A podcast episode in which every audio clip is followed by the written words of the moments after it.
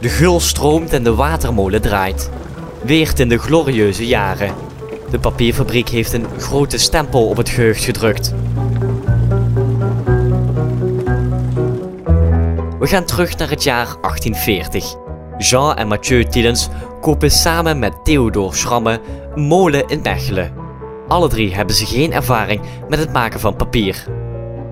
Niet lang na een periode in Mechelen vertrekken ze richting Weert. Het was geen lange reis voor de familie Tielens. Zij woonden in de Weerterhof. Naast het feit dat Weert voor alle drie in de buurt lag, viel de keuze op het dorp waarschijnlijk ook omdat de verbinding met het rest van het land beter waren. Daarbij was er ook de aanleg van een spoorlijn met Maastricht in de maak. Het drietal maakte papier van superieure kwaliteit.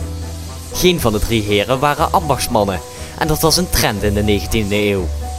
In die tijd moest je over een kapiteel beschikken en flexibel en vooruitstrevend zijn. Daarnaast was het belangrijk om over een goed netwerk te beschikken. Dat laatste was ook van toepassing op de gebroeders Stielis en Schramme. Op vrijdag 17 juni 1841 brengt koning Willem II een bezoek aan Limburg. Hij maakt ook een tussenstop bij de papierfabriek. Hij krijgt een rondleiding. Het Journal de Limburg maakt verslag. Daaruit blijkt dat bij aankomst van de koning de dochters van de fabrikanten met bloemen strooiden.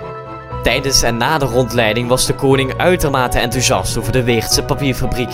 Hij keek met blijdschap naar de ontwikkeling van de Limburgse industrie.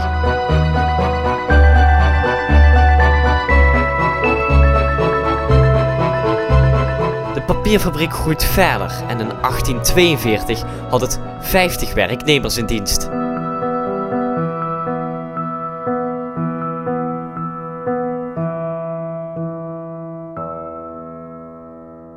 De industrie heeft ook op een andere manier een stempel gedrukt op het aanzien van Meersen.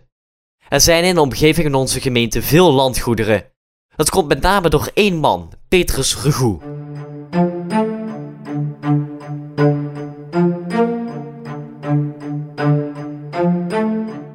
Was de grondlegger van dit kristal, glas en aardewerkfabriek P. Regoe Co., later onder de naam Sphinx. Regoe werd in 1851 de bewoner van Vaashartelt, dat toetertijd nog in Meersen lag. Het was een enorm kasteel met spectaculaire fonteinen.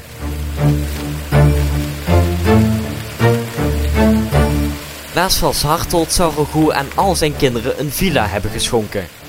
Op het voormalige grondgebied van Meersen lagen Groot Vaashartelt, Klein Vaashartelt, La Grande Suisse, ook wel Marienwaard, en La Petite Suisse, ook wel Villa Cagnau genoemd. In 1864 werd in opdracht van Regoe een boek gemaakt waarin al zijn villa's stonden. Hij verzond dit naar zijn vrienden en chique hotels in Duitsland en België.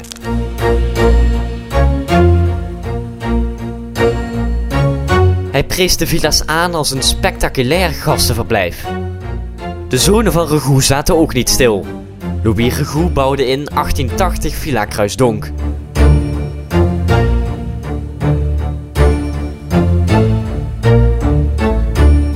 De band tussen Meersen en de industriefamilie is hecht. In 1868 wordt naast de basiliek in Meersen een grafkapel voor de familie gebouwd. Een jaar daarna wordt de stichting Grafkelder Regoe opgericht, die de kelder beheert. De stichting beslist dat de graven evenredig verdeeld moeten worden over de vijf takken van de familie. Maar tegenwoordig moet je drager zijn van de naam Regoe of rechtstreeks van de familie afstammen. De laatste cijfers uit 2018 tonen aan dat 114 van de 124 grafnissen en 14 van de 30 urnissen bezet of gereserveerd zijn. De grafkelder van Regoe is de grootste particuliere grafkelder in Nederland.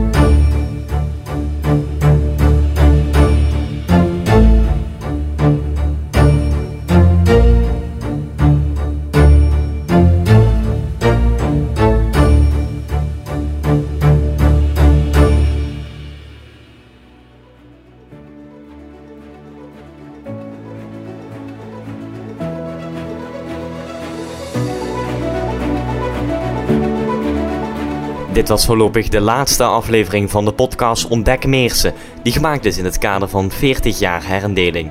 want op 1 januari 1982 herendeelde de gemeente Bunde, Geulen, Ulestraten en Meersen tot één grote gemeente.